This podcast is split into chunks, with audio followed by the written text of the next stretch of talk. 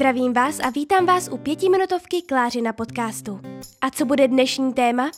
Pět knih, které letos čeká filmová či seriálová adaptace. Pokud jste jako já a kromě knih milujete i filmy a seriály, pak si myslím, že tahle pětiminutovka bude přesně pro vás. V tomto roce totiž vychází pět skvělých filmů či seriálů, které jsou založené na knihách, které mám velmi ráda, eh, takže se na ně jdeme společně podívat.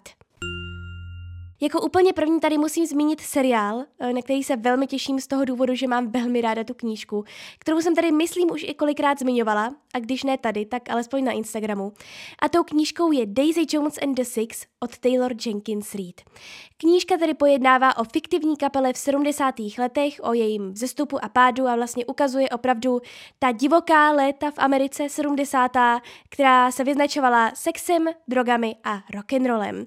Tuto knížku já velice všude doporučuji nejenom díky tomu, že je od mojí oblíbené autorky, ale i díky tomu, že je nesmírně zajímavě napsaná, protože je to v podstatě jako psaný dokument, jsou tam vyloženi jenom vlastně výpovědi těch určitých postav po letech, kdy se jejich kapela rozpadla. Jsem hrozně zvědavá, jak tohle to bude vypadat v seriálu, protože je mi jasné, že valná většina asi bude spíše právě se odehrávat v těch 70. letech, budou tam různé flashbacky, ale jsem zvědavá, jak to bude vypadat i vlastně v té jejich přítomnosti. Jestli tam budou ti starší herci, nebo jestli se na to úplně vykašlou. Doufám, že ne, protože si myslím, že by to bylo hrozně zajímavé to takhle vidět a myslím si, že kniha je natolik zajímavě napsaná, že by byla škoda, kdyby tenhle element tam nevyužili.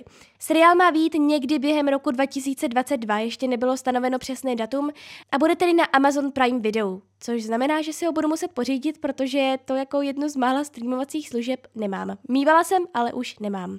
No a abych vás ještě nalákala, tak jednu z hlavních rolí tam bude hrát Sam Cleflin, kterého můžete znát například jako Finika z Hunger Games nebo z romantického filmu Než jsem tě poznala. Jako další bude sfilmovaná knížka, kde zpívají raci od Díly Owensové. Tahle knížka měla nejenom ve světě, ale i u nás obrovskou popularitu. Všichni najednou četli a já jsem samozřejmě nemohla být výjimkou. Přečtu vám kousek anotace. Kde zpívají radce vypráví o Kie, opuštěné dívce, která až do dospělosti vyrůstala sama v nebezpečných mokřinách Severní Karolíny. Celé roky se šířily po Barklikou historky o dívce z mokřin, které izolovaly strohou a odmítavou Kiu od místní komunity. Když se v Kíně životě objeví dva přitažliví mladíci z města, začne se novému neznámému světu otevírat. Jenže ve chvíli, kdy jednoho z nich najdou mrtvého, ji komunita bez váhání označí za hlavní podezřelou. Případ se začne rozvíjet, je stále nejasnější a hrozí, že budou odhalena mnohá tajemství pohřbená v mokřinách.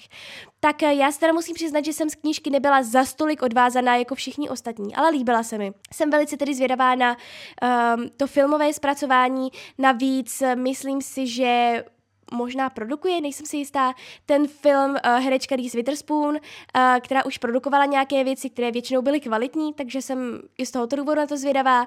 Dále tam hraje uh, herečka Daisy Edgar Jones, kterou můžete znát ze seriálu Normal People, neboli normální lidé. Um, já jsem teda ten seriál stále ještě neviděla, se musím přiznat, protože mě se knížka líbila natolik, že jsem nechtěla koukat na něco, co je, jak jsem slyšela, v podstatě identické s tou knížkou, uh, ale určitě se na ní někdy podívám, ale ještě asi potřebuju trošku odstup. No a poslední informace, film by měl být někdy v červenci tohoto roku. A když už jsem tady tady nakousla tu Sally Rooney, tak vychází nový seriál na základě její první, myslím, knížky, debitové knížky, která se jmenuje Rozhovory s přáteli. Rozprostírá se před námi příběh 21-leté dublinské studentky a básnířky Frances, její kamarádky Bobby a o něco staršího manželského páru, herce Nika a fotografky Melisy. Spolu s vypravěčkou Frances sledujeme složitou dynamiku vztahů, intelektuálních debat i milostných románků. Titulní rozhovory s přáteli jsou přitom nesmírně otevřené. Frances, Bobby, Nick a Melissa spolu mluví o sexu a přátelství, umění a literatuře, politice a genderu a samozřejmě i o těch druhých s až nemilosrdnou upřímností. Každopádně čtenáře čeká fascinující, velmi precizně promyšlený a výtečně napsaný román o vztazích, intimitě, komunikaci s okolím a osobním zrání. Tak i v tomto případě se musím přiznat, že knížka se mi příliš nelíbila, nebo alespoň v porovnání s normálními lidmi, uh, se mi prostě rozhovory s přáteli tolik nelíbily. Každopádně na seriál jsem velmi zvědavá. Doufám, že ten um, tím se u něj ta moje, um, ten můj trošku odstup od té knížky jako zlepší bude se mi ten příběh třeba líbit více. Já jsem upřímně donedávna ani nevěděla, že se chystá seriál, ale jsem ráda, jak říkám, určitě se na něj chystám. Měl by tedy být v květnu tohoto roku na Hulu, které tady u nás ještě není, ale někdy ty seriály přebírají uh, jiné streamovací služby. A co se týče hereckého obsazení, tak to bohužel se musím přiznat neznám až na jednu herečku, kterou znám teď uh, díky Sex Education a díky seriálu Girls, který je na HBO, na který se koukám.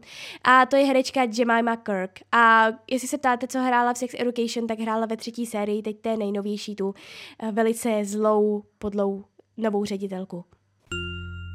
Tak jako předposlední tady mám tip, na který si myslím, že se všichni budeme koukat, protože je to prostě jednoduše rostomilé. Vychází to za chvilku, vychází to přesně tady 22. dubna na Netflixu a je to seriál Srdce rváči podle komiksu od Alice Ousmanové.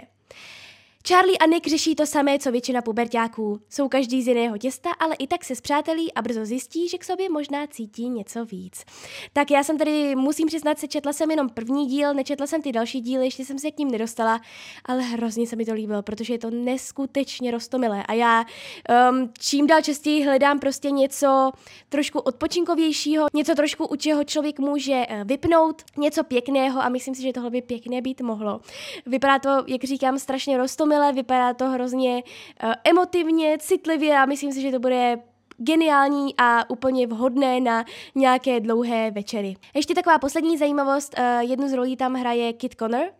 kterého můžete znát třeba jako mladého Eltona Johna v Rocketmanovi, takže on umí i zpívat hodně, hodně, hodně dobře. Takže uh, pokud jste ještě nečetli uh, Srdce rváče neboli Heartstoppers od Alice Ousmanové, um, pokud jste to ještě neviděli ani, tak se na to určitě, nebo teda pokud jste neviděli, jak to vypadá, jak vypadá ten grafický román, ten komiks, tak se na to určitě podívejte, protože nejenom, že je to hezký příběh, ale je to i hrozně hezký graficky zpracované.